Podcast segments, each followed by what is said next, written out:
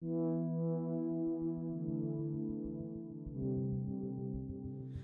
skamma meg så mye at jeg, det var så utrolig viktig for meg å skjule for uh, omgivelsene mine uh, hva som skjedde. Absolutt alt er bedre enn det her. Hvis jeg må bo i en sokkeleilighet ute på bygda, for det er det jeg har råd til, så har jeg rett til å ha fred inni meg. Vold i nære relasjoner er et stort helseproblem og kan kalles for en global pandemi.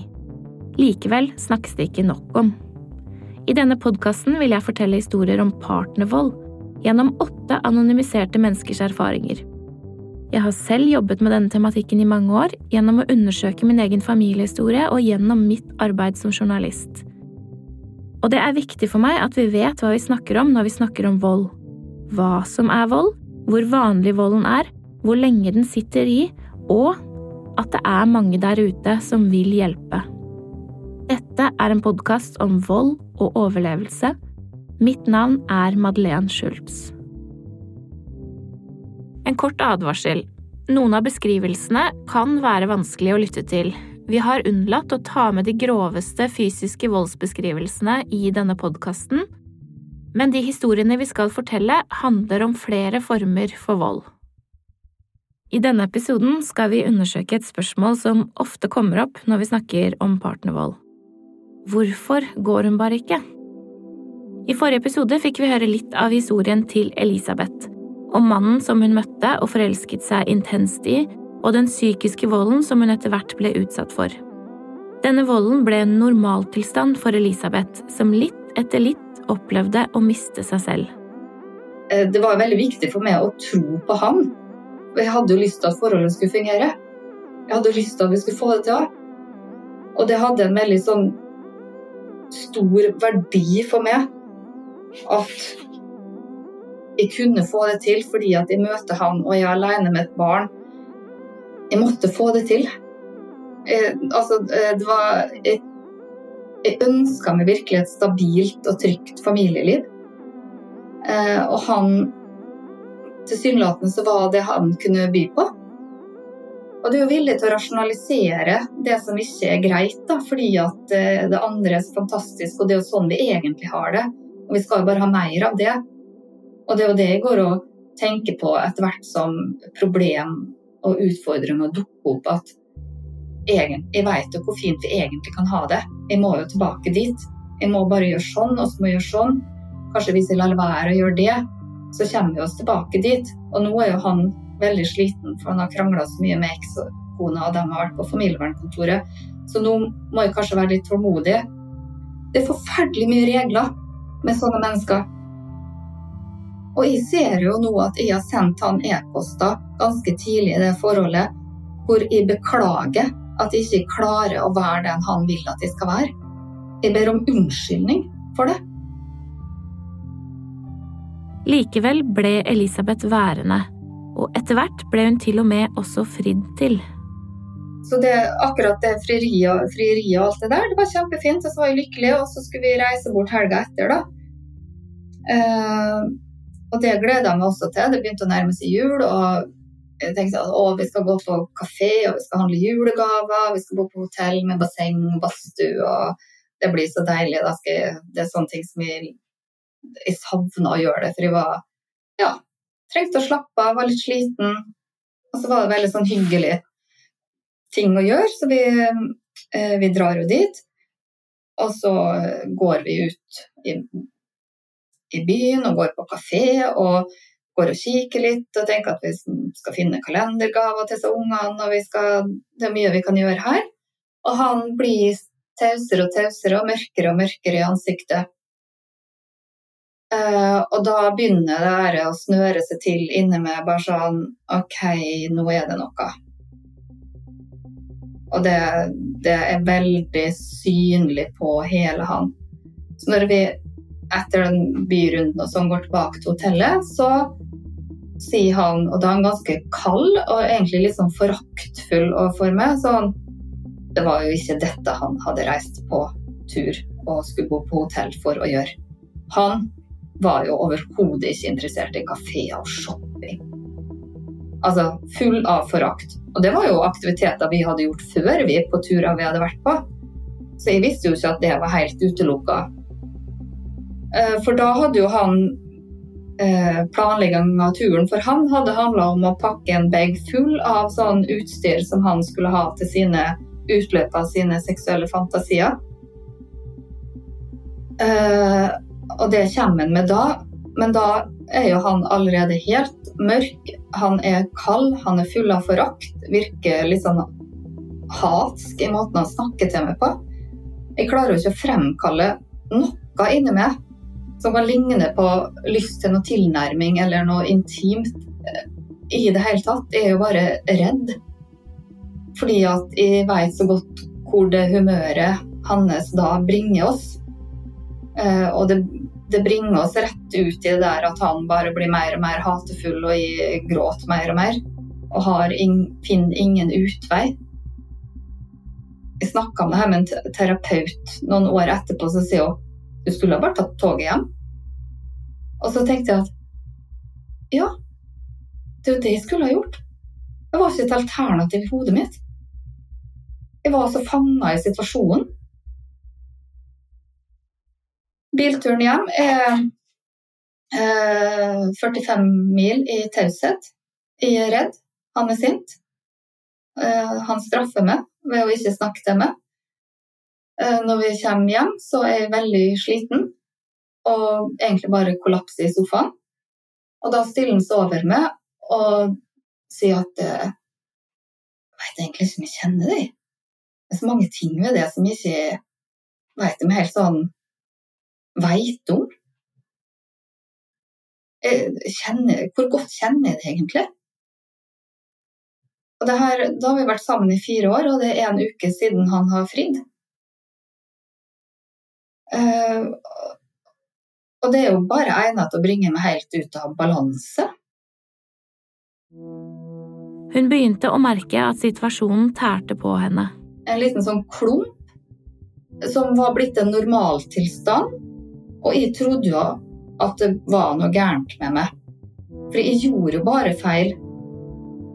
Jeg, jeg kan eh, se tilbake på notater jeg har gjort, eller e-poster som, som jeg sendte da i starten av forholdet, hvor ting, hvor jeg, ting ikke begynte hvor jeg ikke skjønte sammenhengen. Altså, Jeg skjønte ikke hva, hva, vi diskuterte, for vi endte jo alltid opp med å diskutere mine personlige egenskaper, min personlighet. Vi endte jo alltid opp med å diskutere hva jeg måtte forandre på. På dette tidspunktet var Elisabeth likevel så dypt inne i forholdet at hun ikke tenkte på å forlate han. Men så kom hun til et vendepunkt i livet. Og så går eh, årene, vi blir gift, blir, vi får et barn. Og det barnet ble begynnelsen på slutten, tenker jeg. Da fikk jeg både en annen styrke, men jeg kjente også at jeg har enda mer å ta hånd om. Nå var noe begynt å endre seg i Elisabeths egen forståelse av den situasjonen hun befant seg i og hun startet så smått å vurdere alternativene sine. Men hun var redd for hvordan han ville reagere. Og så skulle vi feire sammen med søstera mi, så når vi sitter i bilen på 17. mai på vei til søstera mi, så kjente jeg bare at jeg, jeg trenger ikke å være her. Alt, absolutt alt, er bedre enn det her. Hvis jeg må bo i en sokkeleilighet ute på bygda, for det er det jeg har råd til, så har jeg rett til å ha fred inni meg og ha det bra. Og da var det sånn Det var veldig sånn eh, beroligende. Det var noe forløsende. Det var sånn, Jeg fikk bare sånn ro, og så kjente jeg at redselen slapp litt sånn taket. For da var det gått så langt. Og, og den natta der hadde jeg ikke turt å sove, da, for jeg var redd at den skulle kvele meg. For jeg tenkte at nå er han så sint at han eh, Han må jo gjøre noe nå hvis han skal få utløp for alt det sinnet sitt. Jeg var eh, oppriktig redd for at han skulle røre meg fysisk da. Jeg turte ikke å sove. Men så tar jo dette eh, likevel. Det var jo bare starten på en sånn modningsprosess. Det er denne prosessen som forsker Mona Irén Hauge snakket om i forrige episode, og som det er viktig å forstå for alle dem rundt de voldsutsatte. Det kan ta lang tid å komme seg ut. I høsten gikk jo Eh, ting var jo vanskelig. selvfølgelig. Men da, da det, var det sådd noe inni meg om at det her skulle gjøre. Og så er jeg sammen med to venninner en helg, og så sier hun ene venninna mi som at uh, Hun sier bare at du, dette her går jo aldri over. Du skjønner jo det. Du kan ikke vente på at det går over, for det kommer aldri til å gå over. Og var, da var jeg ganske moden for å høre akkurat det. Eh, så tre uker etter den helga med venninnene, så uh, sier jeg at det, det er slutt. Og det liksom er ingen vei tilbake. Um, det, han, I første omgang så tror han jo ikke på meg. Og så tror han at han kan uh, hente meg inn igjen, og så tror han at det kan hjelpe med trusler. Og så skal han ta, ta livet sitt. Når Elisabeth ser tilbake på tiden i et voldelig ekteskap, så syns hun fortsatt at det er vanskelig å forstå akkurat hva det var som skjedde. Men å helt sånn sette ord på hva er det som foregår på innsida, eh, hvordan dette påvirker tankemønsteret mitt og sett, altså, og at den fryktstemninga flytter inn i kroppen min, det, er helt, det er så vanskelig å beskrive. Ennå så kan jeg oppdage sånn tankemønster eller ta meg sjøl i ting som jeg skjønner at har med dette å gjøre. Uh, å, bli, å bli hel og normal igjen, ha tillit til mennesker.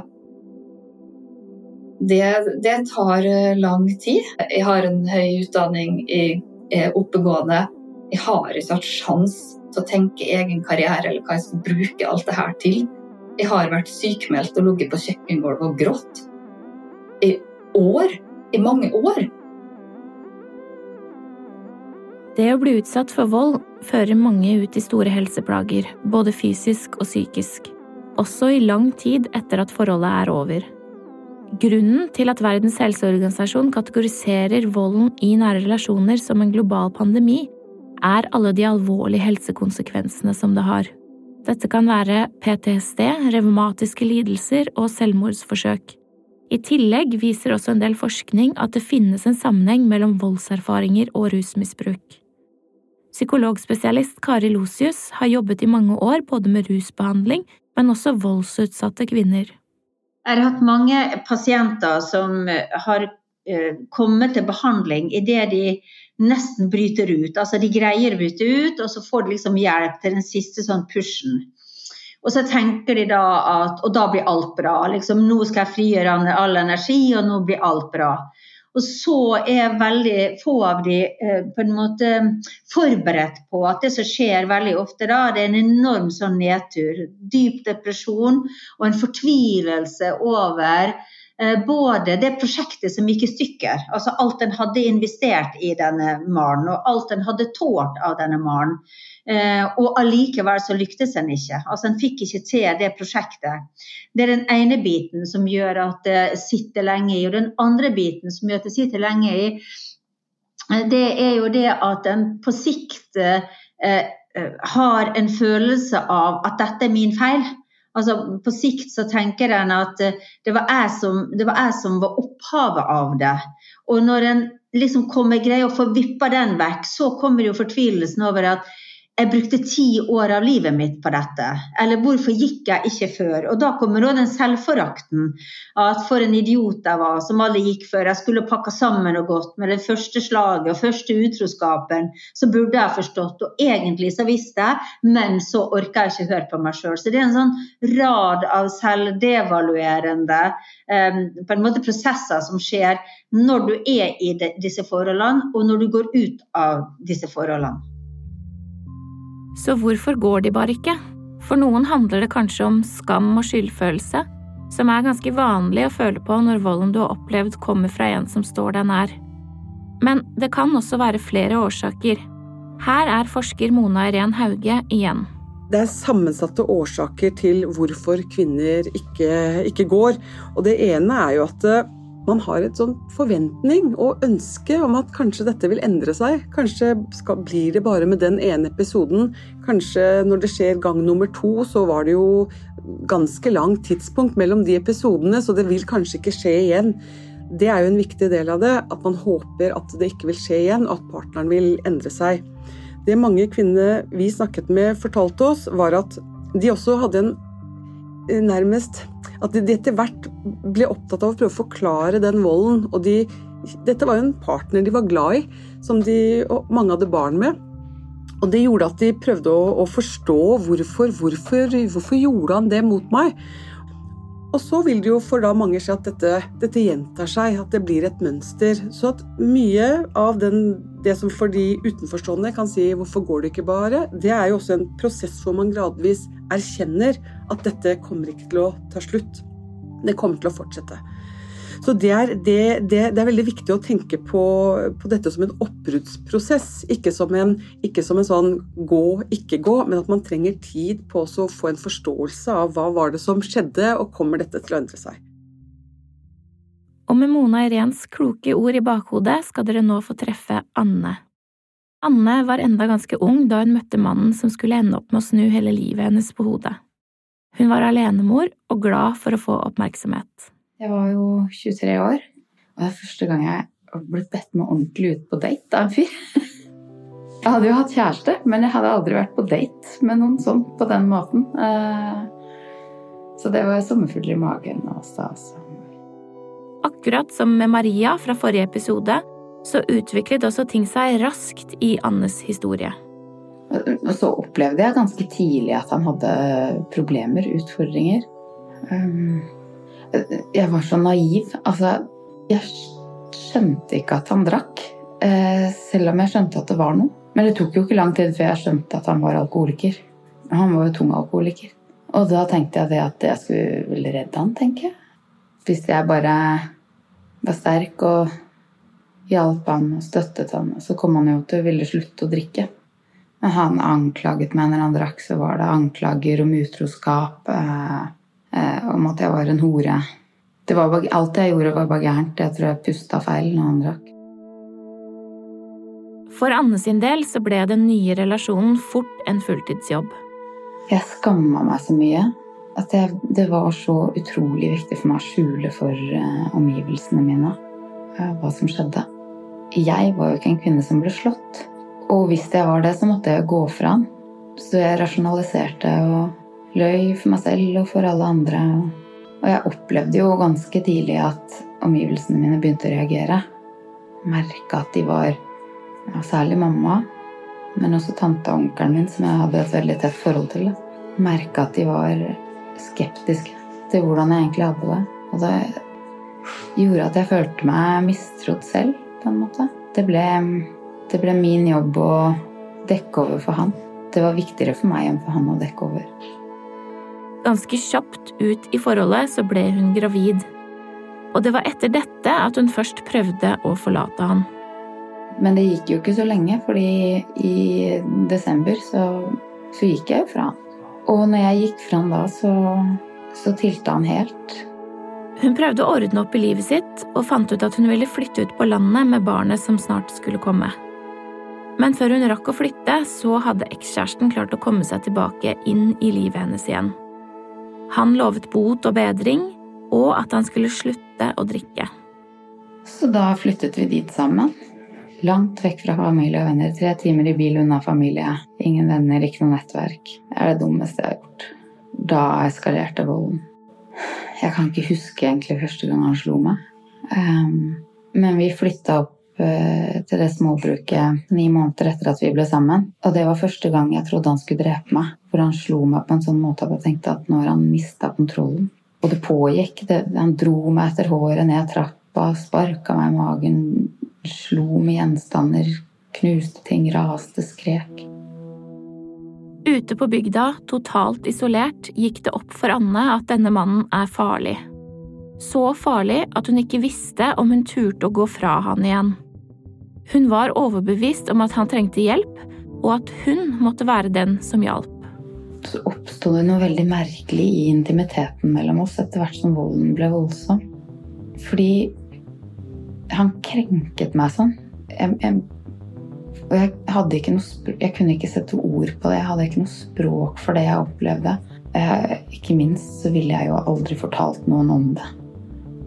For jeg skammet meg sånn. Men han hadde jo vært der. Han hadde jo sett Han hadde jo sett hva jeg hadde opplevd. Og det gjorde at han ble så nær. En sånn helt intens intimitet. Fordi han så smerten min. Selv om det var han som hadde påført meg den smerten, så var han den eneste som kunne se smerten min. Og så har han jo ikke empatien til å faktisk se den. Det var jo jeg som trodde han så den fordi at han så på meg. Men jeg trodde han så smerten min.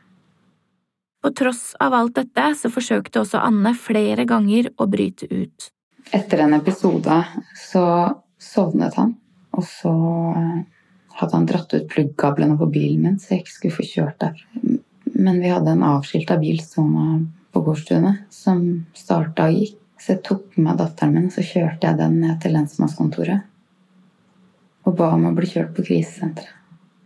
Jeg måtte vente nesten hele arbeidsdagen utenfor lensmannskontoret før noen egentlig tok seg tid til å snakke med meg. Og litt utpå ettermiddagen så ble vi kjørt på krisesenter.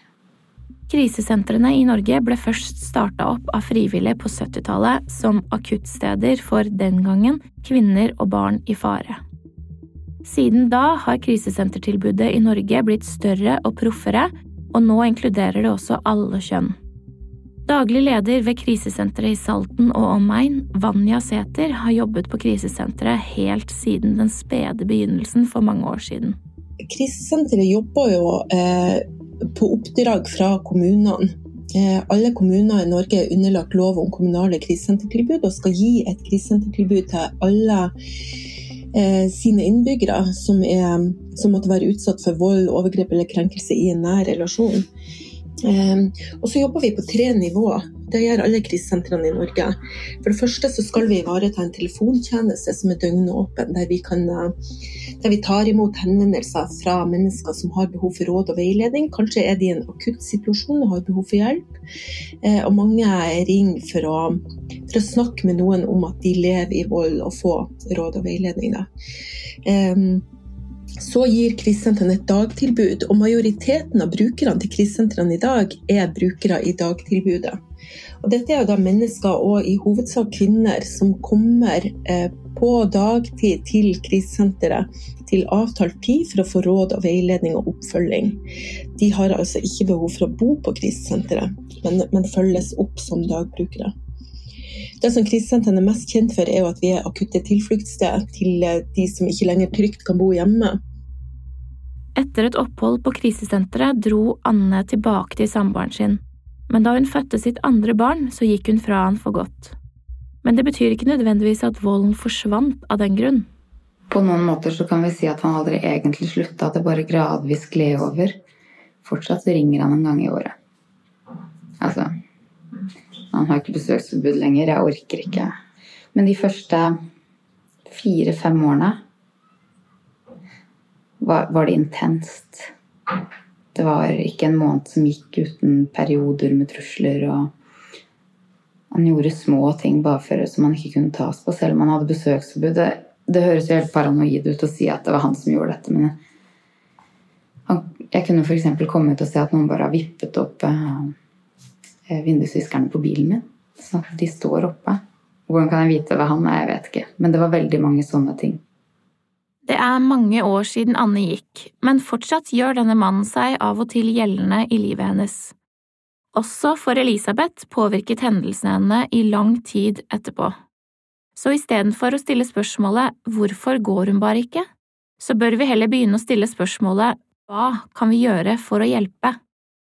Jeg tror et godt sted å starte er kunnskap.